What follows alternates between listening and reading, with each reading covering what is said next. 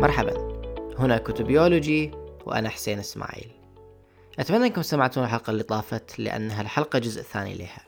فإذا ما سمعتوها ما أظن أن كل النقاط بتكون واضحة خصوصا النقاط المتعلقة بافتراض استحالة تاريخ الفلسفة العمودي والفرق بينه وبين التاريخ الأفقي أو التاريخ السياقي. في هذه الحلقة بأتكلم عن المحورين الباقيين واللي هم تحليل مقالة سكينر المعنونة بالمعنى والفهم في تاريخ الأفكار ومقالة ماندلبوم المعنونة بتاريخ الأفكار وتاريخ الفكر وتاريخ الفلسفة. كلتا المقالتين يتناولون جوهر إشكالية تاريخ الفلسفة. يعني ثنتينهم يسلطون الضوء على ماهية تاريخ الفلسفة. بس كل واحدة فيهم تتوصل لنتيجة مختلفة بشكل عام. مقالة سكينر تقول أن تاريخ الفلسفة بالمعنى التقليدي مستحيل ومقالة ماندلبوم تقول أنه ممكن نأرخ الفلسفة مع الأخذ بالإجراءات الاحترازية والتباعد الاجتماعي. سخيفة أدري. وبتكلم أيضا عن المحور الأخير اللي هو مقاربة تاريخية للنقاط اللي بقارن المقالتين من خلالهم. وبيكون محور سريع يعني لأن ما أظن أحد بيتحمل هدرة الزيادة. وأذكركم أنكم تشاركون الحلقة ويا اللي تحبون. وإذا كان عندكم أي تعليقات أو انتقادات تقدرون ترسلوها على كتبيولوجي gmail.com وإذا مو متابعين لحساب تويتر كتبيولوجي تابعوه عشان توصلكم آخر الأخبار. وعندي أيضا إعلان سريع. قبل كم يوم حطيت بتويتر إعلان لمنصة كتبيولوجي الجديدة وقلت إن بإمكان أي حد يشترك في القائمة البريدية عشان توصل آخر الأخبار وعشان يكون على اطلاع بالرسائل والمنشورات اللي بتكون حصرية للمشتركين بالإيميل إضافة للمنشورات الثانية اللي بتنشر على المنصة. فإذا أحد مهتم رابط صفحة الاشتراك بيكون في وصف الحلقة ولا تنسون أيضا يعني قيموها على iTunes أو أي منصة ثانية تستخدموها.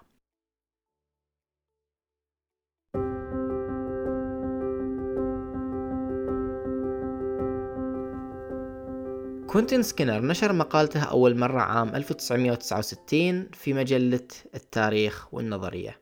وعاد نشرها بعد مراجعتها وتنقيحها عام 2002 في كتاب رؤى في السياسة. الكلام اللي بقوله هني مبني على المقالة المنشورة عام 69 لسببين. أولا أعتقد أنها أشمل وأكثر تفصيلا في النقاط المهمة لموضوع الحلقة خصوصا في تناول سكينر يعني للتمييزات بين اللفظة وبين الفكرة وعلاقتها بالخرافات اللي يتكلم عنها وغيرهم.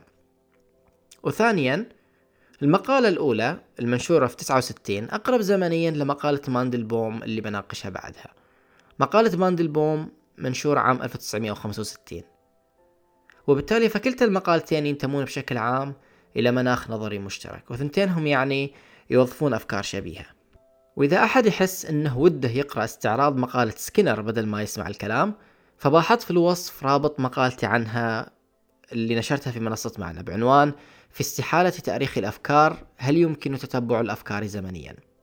غالبية اللي بقوله بيكون تكرار اللي في المقالة مع بعض التعديلات والإضافات. المهم سكينر يفتتح المقالة بسؤال رئيسي.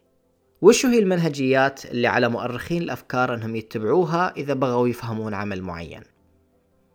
من البداية نشوف أن السؤال محدد شوي أو مبني أقله على علاقات محددة. سكينر في سؤاله قاعد يربط بين المؤرخ وبين الأفكار وبين الفهم. يعني السؤال مرتبط في المقام الأول والأخير باللي نقدر نسميه تاريخانية الفكرة أو بفهم الفكرة كجزء من عمل أو صنعة المؤرخ. وقبل ثلاث حلقات تناولت أحد الكتب المهمة في فلسفة التاريخ وهو كتاب مهنة المؤرخ للفرنسي مارك بلوك أحد مؤسسي مجلس مجلة الحوليات أو مدرسة الحوليات. أحس أن هالكتاب لطيف جدا للي يبغى يتعرف على الفرق بين اعتبارات المؤرخين واعتبارات غيرهم في كتابة التاريخ. وموجود رابط الحلقة في الوصف إذا أحد يبغى يسمعها. وخلاص هذه آخر دعاية بتكون. المهم أكمل. سكينر يتكلم أو يصب اهتمامه على شخص مؤرخ الأفكار بمعنى أنه يركز جهده على محاولة التطرق للتصورات والأفكار اللي يستحضرها المؤرخ أثناء محاولته لفهم الفكرة كجزء من عمله. هذا يعني المؤرخ اللي ما هو مهتم بشكل رئيسي باستكشاف الأبعاد الفكرية أو الفلسفية بحد ذاتهم.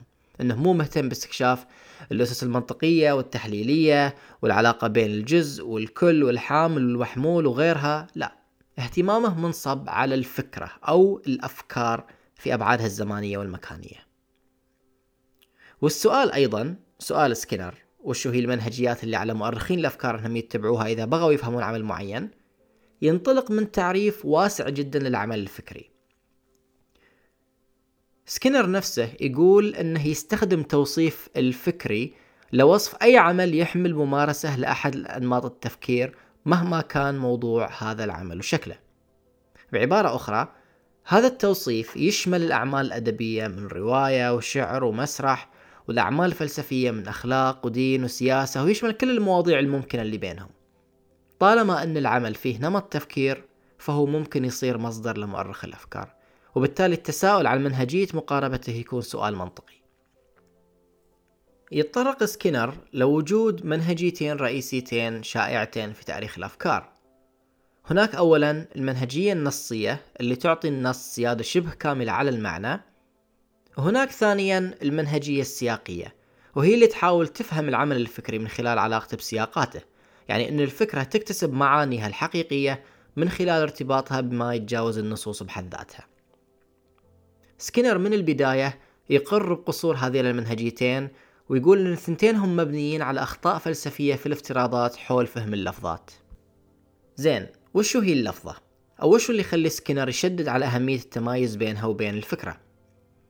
أحس فهم هالتمايز يتطلب التطرق إلى اللي يسميه آرثر لوف جوي الوحدة الأفكارية اليونت أيديا.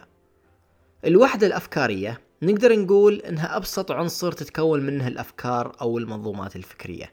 هي العناصر الأولية إن صح التعبير. يعني أي منظومة تتكون من مزيج من الوحدات الأفكارية وباختلاف الوحدات اللي تكون المنظومات تختلف الأفكار وتختلف المنظومات. نقدر نقارن المنظومة هني بكبسة الدجاج مثلا. ندري إن الكبسة تحتاج دجاج وعيش وبهارات معينة وطريقة طبخ معينة عشان يطلع عندنا في النهاية اللي نسميه كبس الدجاج. في اللحظة اللي نقرر نستبدل فيها الدجاج باللحم تختلف الطبخة وتصير كبسة لحم وبالتالي تختلف المنظومة النهائية. ولو قررنا مثلا إن ناخذ نفس مكونات كبسة الدجاج بس بدل ما نطبخها على الفرن نقرر نطبخها مثلا في درام مندي بنحصل طبخة مختلفة بالرغم من أن المكونات الأساسية هي نفسها. فالشاهد أن المكونات هي نفسها تقريبا ما تغيرت بس تغيرت العلاقات اللي بينها تغيرت طريقة المزج بينها وبالتالي حصلنا على نتائج مختلفة. المفروض يكون واضح الحين وجه المقارنة وكيف أن الوحدات الأفكارية نفسها ممكن تنتج أفكار أو منظومات مختلفة.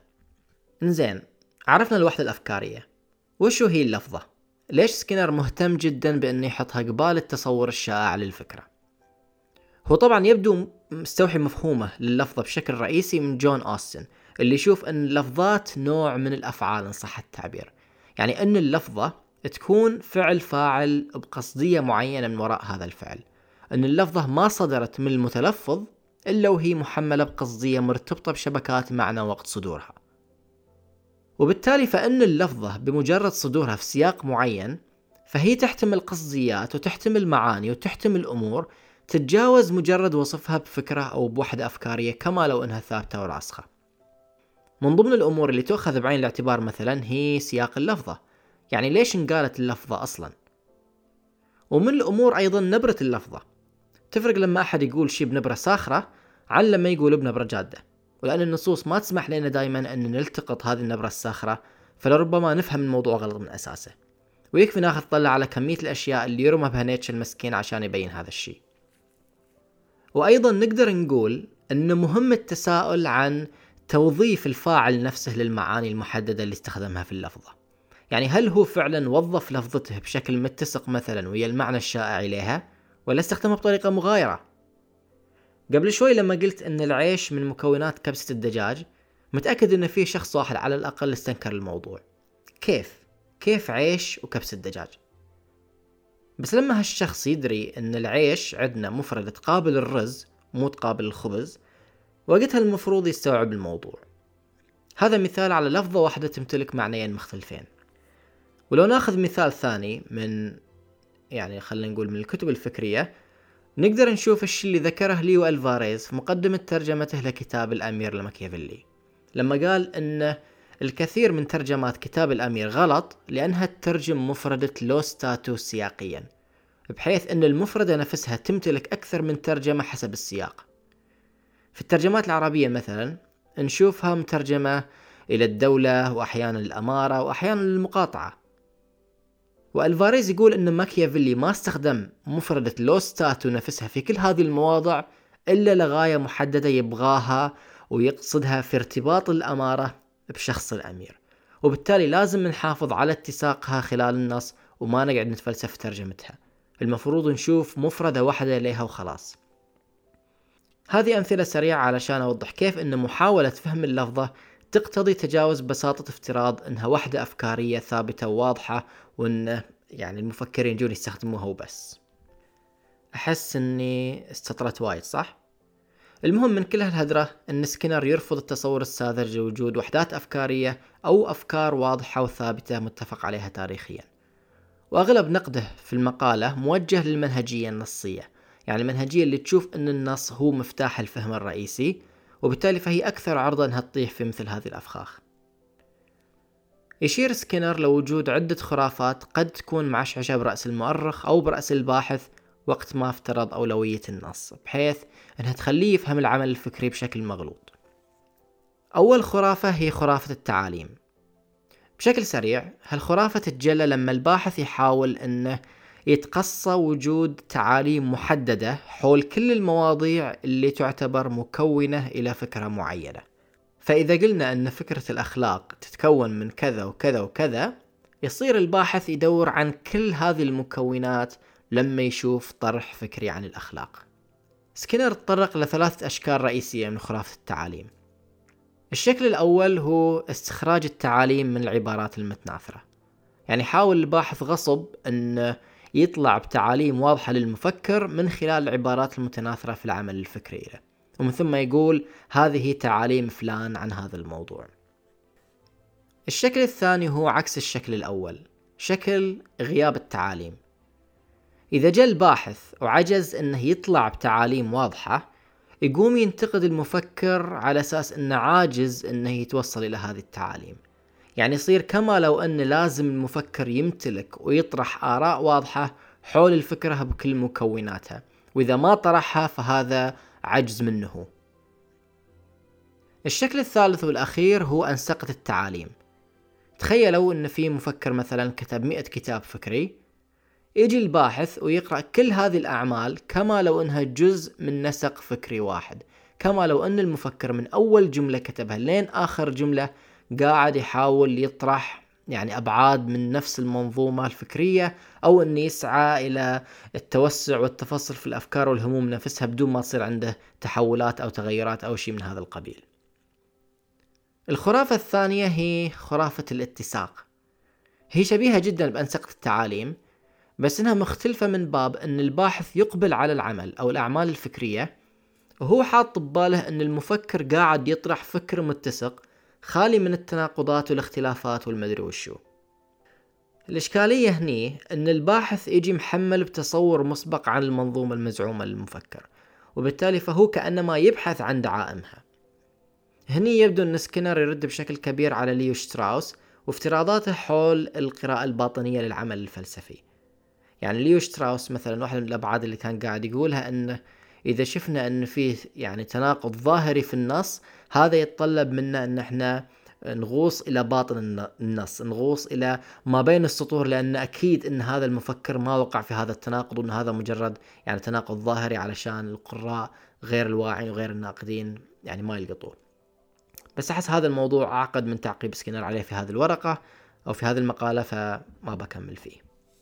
الخرافة الثالثة هي خرافة الاستباق. هذه الخرافة تحضر لما فكرة معينة تكتسب أهمية على ضوء سياقات واعتبارات لاحقة لها ومن ثم تعتبر هذه الفكرة كما لو إنها مؤسسة أو يعني تعتبر إنها جزء من تاريخ هذه الأهمية اللاحقة. المثال اللي ذكره سكينر هو تعليق كارل بوبر على أفلاطون في كتاب المجتمع المفتوح وأعدائه لما قال بوبر أن فلسفة أفلاطون كأنها فلسفة سياسي ينتمي لحزب شمولي فاللي يقول سكينر إن تصورنا المعاصر للشمولية ومكوناتها خلى بوبر يشوف فلسفة أفلاطون على ضوءها وبالتالي تكلم عن أفلاطون كما لو إن أحد المفكرين ضمن تاريخ الشمولية. وهذا عند سكينر مغالطة لأن ما نقدر نرسم تاريخ الفكر الشمولي بهالطريقة العبيطة. الخرافة الرابعة والأخيرة هي خرافة محدودية الأفق. بشكل سريع هالخرافة تحضر لما الباحث يسيء قراءة النصوص ضمن أفقها ومعاييرها هي. يمكن مثلا الباحث يقرأ عن حالة الطبيعة أو القانون الطبيعي عند توما الأكويني ولأنه يدري أن لوك وهوبز وروس تكلموا عن حالة الطبيعة فيروح الباحث يقراهم بس كما لو إنهم متأثرين ببعض أو اني يعتبر إن الفكرة هي نفسها موجودة عندهم كلهم وما إلى ذلك. النتيجة تصير إن طرح توما الاكويني يحدد ضمن الأفق اللي أقبل به الباحث على النص. كل هذا للحين نقد سكينر للمنهجية النصية بس. المنهجية اللي تنطلق من النص بوصفه مفتاح الفهم الأول. طيب والمنهجية السياقية؟ نقد سكينر للسياقية في المقالة ما كان متفصل زي نقده للنصية وبالعكس هو يميل أكثر للمنهجية السياقية ويشوف أنها تتجاوز العديد من إشكالات المنهجية النصية. لكنه ينتقد بشكل رئيسي اللي يسميه الحتمية أو العلية المبطنين في التصورات السطحية عن السياقية واللي كأنها تعطي الظروف المحيطة بالعمل الفكري يد عليا في تقرير المعاني ويصير المفكر كأنه بلا فاعلية وبلا دور. ونقده للسياقية يعني ينطلق من إيمانه بدور وفاعلية المفكر. كل الكلام اللي ذكرته عن اللفظة والوحدات الأفكارية مرتبط بهذه الفاعلية وبقدرة المفكر على أنه يتجاوز حدود السياقات. وعطفا على كل ذلك سكينر عنده استنتاجين رئيسيين في مقالته. أولا لازم تؤخذ فاعلية المفكر بعين الاعتبار في محاولة فهم العمل بما يتجاوز البساطة والوضوح المزعومين للوحدات الأفكارية والسياق. وثانيا لازم في محاولة فهم العمل الفكري بشكل عام أخذ الجوانب التاريخية بعين الاعتبار. عشان الباحث ما يطيح في فخ الاستنتاجات اللا تاريخية المستهترة. زين وش علاقة كل هذه الهدرة بتاريخ الفلسفة أو باستحالة تاريخ الفلسفة؟ قراءة مقالة سكينر بتمعن ومقارنة استنتاجاته بالطرح والنقد اللي كان يقدمه يخلون القارئ ينتبه لأمرين.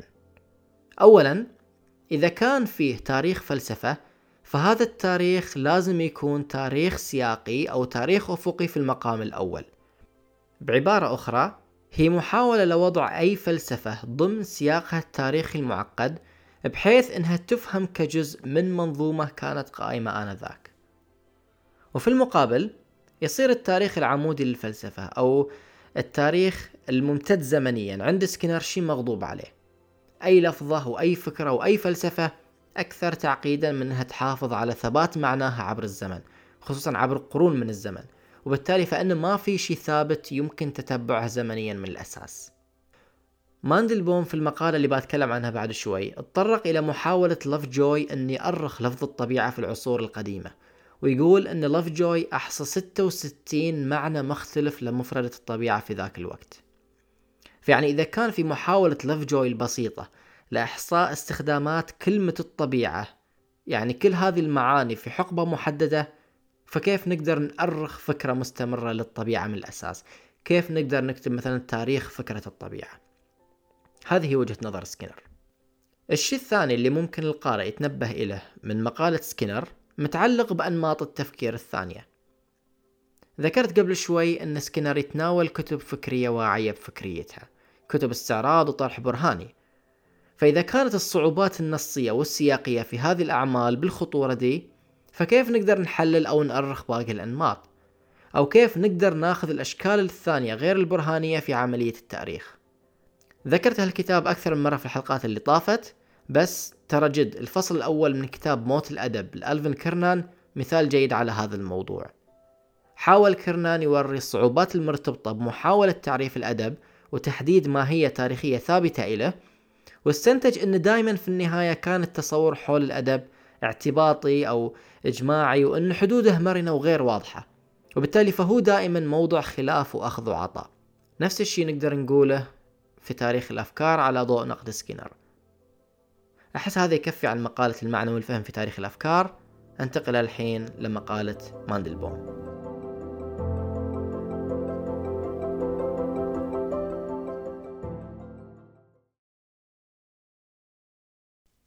ماوريس ماندلبوم يبدأ مقالته المعنونة بتاريخ الأفكار وتاريخ الفكر وتاريخ الفلسفة بنقد آرثر لوفجوي هو الآخر.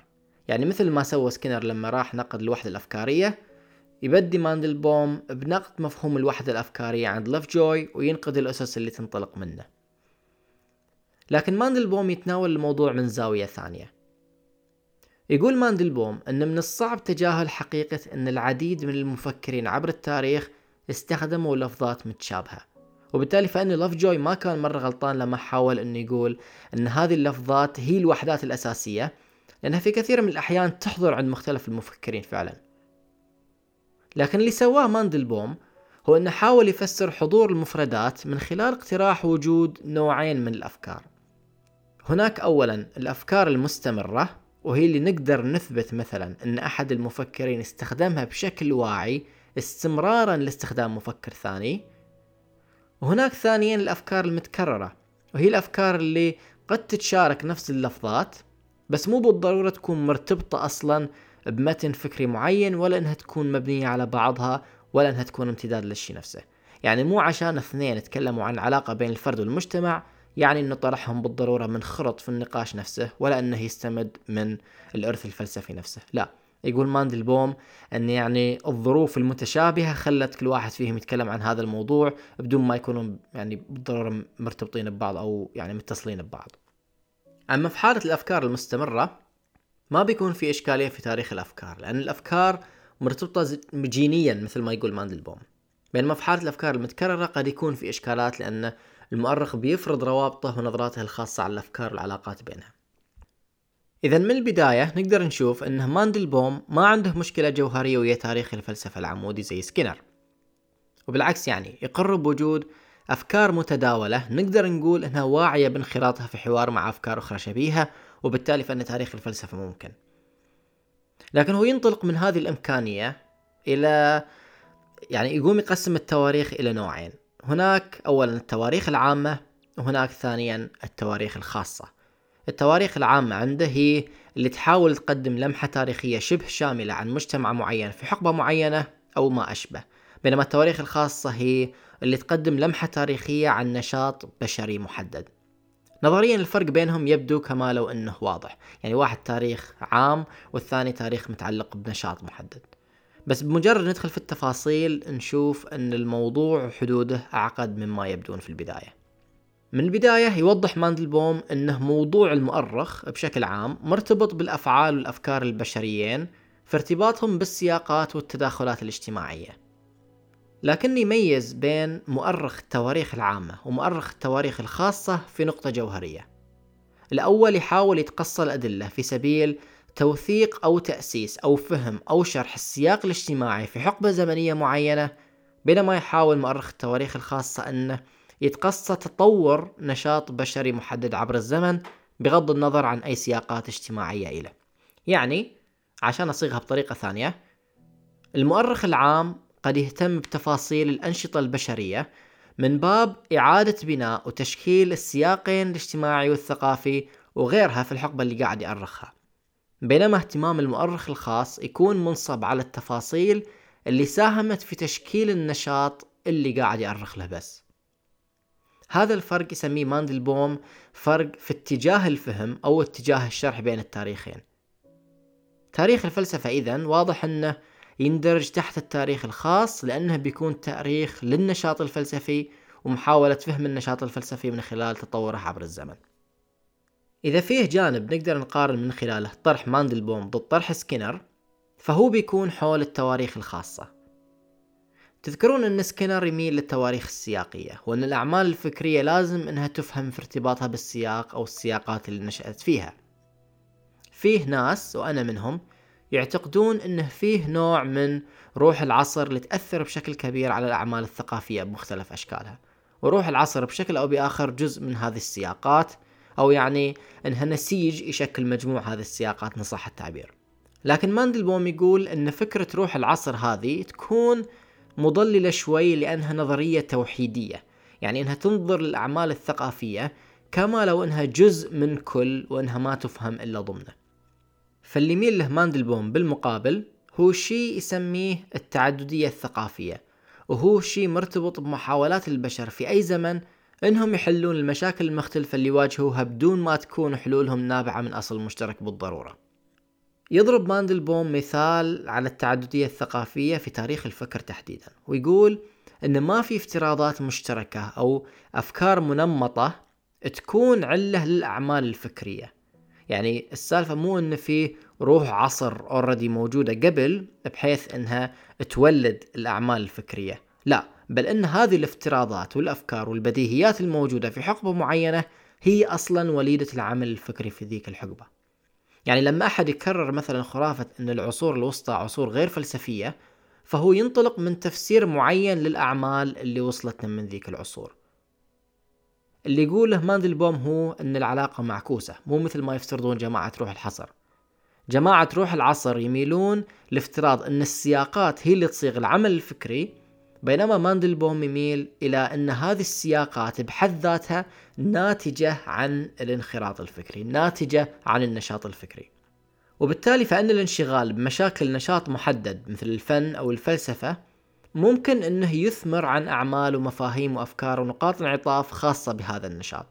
يعني يكون تاريخ يتقصى وش صار في محاولة مجابهة مشاكل هذا النشاط وأسئلته بشكل محدد.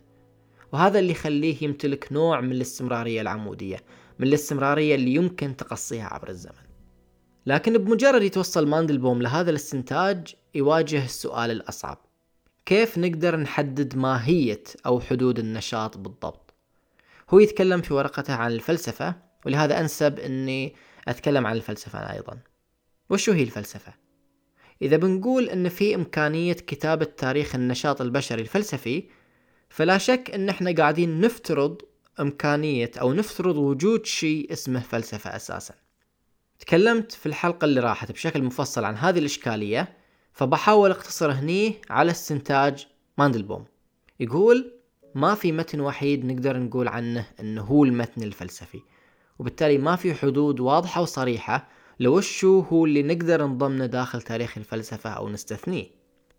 هذا الاستنتاج أعقد مما يبدو. وبصراحة يعني ظاهريا يبدو كما لو إنه تفسير الماء بعد الجهد بالماء. يعني قلنا يمكن تاريخ الفلسفة بعدين قلنا أصلا يعني ما في حدود واضحة للشيء الفلسفي.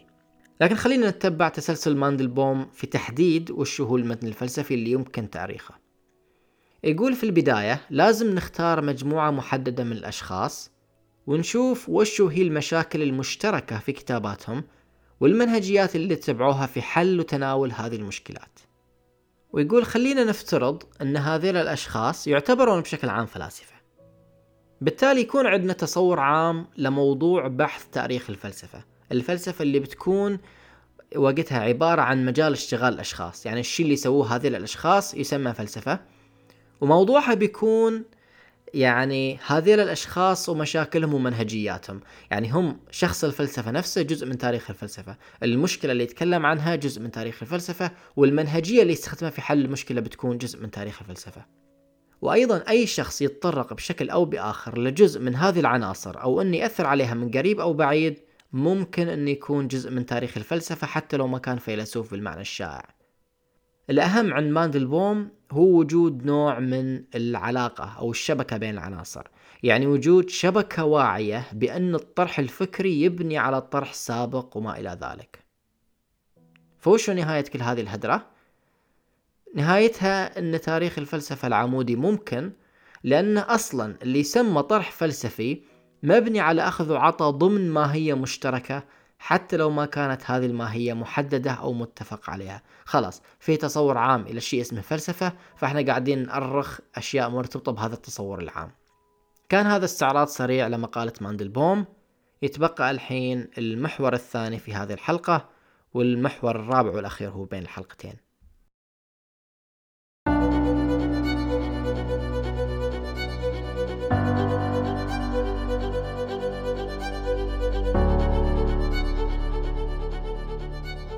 واضح كان في استعراض المقالتين إنه الاستطرادات وايد ومستحيل يعني أتطرق إليها كلها. اللي يهمني من الأساس هو المقاربة التاريخية لفكرة تاريخ الفلسفة وبالتالي بأختصر في الدقائق المتبقية على هذه المقاربة وبس. في كلام سكينر وماندلبوم كان فيه تصور ضمني أحيانا وصريح أحيانا لطبيعة الأدلة أو الوثائق اللي يستخدمها مؤرخ الأفكار في شغله. يعني ذكرت من قبل إن يعني تقريبا الاثنين يتطرقون بشكل عام للأعمال الفكرية البحتة بغض النظر عن توصيفها بالأعمال الفلسفية من عدمها. وهذا الشيء بديهي بحكم إنهم قاعدين يتكلمون عن تاريخ الأفكار. لكن السؤال الحين وش هو موقع باقي الأدلة من الأعراب؟ سكينر تكلم مثلا عن أنماط التفكير وماندلبوم تطرق لكون تواريخ الفلسفة تواريخ خاصة من حيث أنها متعلقة بنشاط محدد بالرغم من إقراره قبلها بأن هذا النشاط حاله حال أي نشاط ثاني مشربكين ببعض. واثنينهم يقرون بفضل المقاربة البينية في مقاربة تاريخ الأفكار المقاربة اللي تاخذ مختلف الأبعاد والمجالات بعين الاعتبار. لكنهم ما يتطرقون بشكل حقيقي إلى الآلية اللي ممكن تفيدنا هذه البينية من خلالها لما يوصل الموضوع للأدلة. خليني أصيغها بطريقة ثانية. سكينر وماندلبوم يقرون بأهمية السياقات بأهمية أن الأفكار تقرأ كجزء من نسيج ثقافي تاريخي أكبر من يعني اقتصارها على هذه النصوص. لكن هذا الإقرار ما هو شيء نقدر بس نطبقه خلاص لا. لما أحاول أقرأ سياقات عمل فكري صريح فهذا الشيء مختلف عن محاولتي لقراءة سياقات شاهدة تاريخية أو وثيقة تاريخية ما هي فكرية بصراحة. ما بقى أتطرق هني للوثائق غير النصية عشان لا أعقد الموضوع في غير موضوعه فخل أضرب مثال سريع حولها. وهالمثال سبق وطرحته في حلقتين من آخر خمس حلقات. حلقة الخطاب الذكوري في رواية الحي اللاتيني وحلقة داخل الرواية خارج الأدب. وأدري قلت قبل شوي أن هذه آخر دعاية بس يلا ما ما ما يضر الحين. خلنا نفترض أنه جانا مؤرخ وحاول أنه يعيد تشكيل الإطار الفكري إلى حقبة أو مجتمع بغى يتناولهم طبيعي أن الأعمال الفكرية الصريحة تكون جزء من الأدلة اللي بيستخدمها بحكم أنها تورينا جزء من المشاكل اللي كان البعض منشغل بها وتورينا منهجيات تعاطيهم وياها والحلول اللي توصلوا إليها. لكن وين موقع باقي النصوص بعد في هذه العملية؟ كيف ممكن انتشار جنس روائي معين مثلا إنه يعلمنا عن هذا الإطار الفكري؟ ليش في أكاديميين يحسبون رواية فرانكنشتاين كالرواية المؤسسة إلى جنس الخيال العلمي بينما في روايات سابقة إليها زمنيا زي رواية يوتوبيا لتوماس مور. أو بالأحرى وش علاقة رواية فرانكنشتاين وبروز نظرة وفلسفة جديدة للعلم وإمكانياته في ذيك الحقبة بحيث انه صار في تصور إلى هذه الأعمال على أنها أعمال خيال علمي مو مجرد مثلا خيال أو فانتازيا ولا اللي هو. هذا مثال أول. خلنا ناخذ مثال ثاني. في كتاب تجميع مقالات للمؤرخ روبرت دارنتون اسمه مجزرة القطة العظيمة وحقب أخرى من التاريخ الثقافي الفرنسي آخر مقالة في الكتاب يحاول فيها دارنتون أن يأرخ إلى أذواق الناس القرائية في فرنسا القرن الثامن عشر يعني أكيد أذواق الناس في القراءة ونوعية الكتب اللي يقروها تعطينا انطباع عن جزء من المناخ الثقافي وقتها صح؟ طيب كيف ممكن المؤرخ يتبع هذا الشيء؟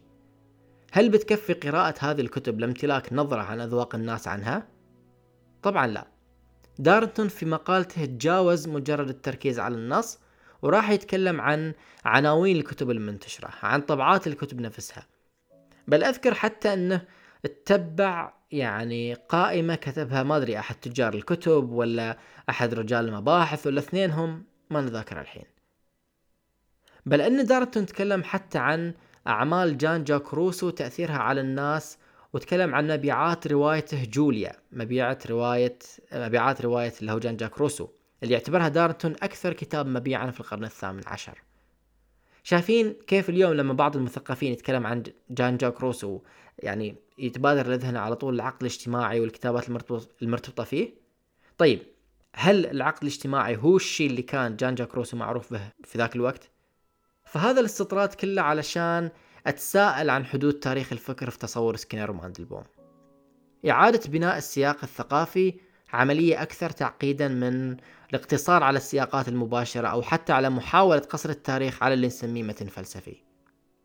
شخصيا أظن أن تاريخ الفلسفة والتفلسف لابد أن ياخذ بعين الاعتبار أبعاد قدر اللي يسموه المنعطف الثقافي أن يشيدها بشكل نظامي من أجل فهم الأفكار بمعزل عن التصور اللي يعطي الفلسفة أو الفكر عالمهم المنفصل اللي يبدو كما لو أنه يمتلك حياته الخاصة.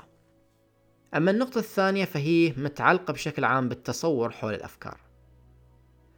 حسيت وأنا أقرأ المقالتين إن دائما يكون في افتراض ضمني بأن عالم الفكر بشكل ما يا إنه يكون متعالي عن الواقع يا إنه يكون سابق له يعني افتراض العلاقة بين الفكر والواقع يصير من خلال إعطاء أولوية للفكر كما لو أنه هو اللي يقود الأفعال وهو الكل بالكل أولا وأخيرا.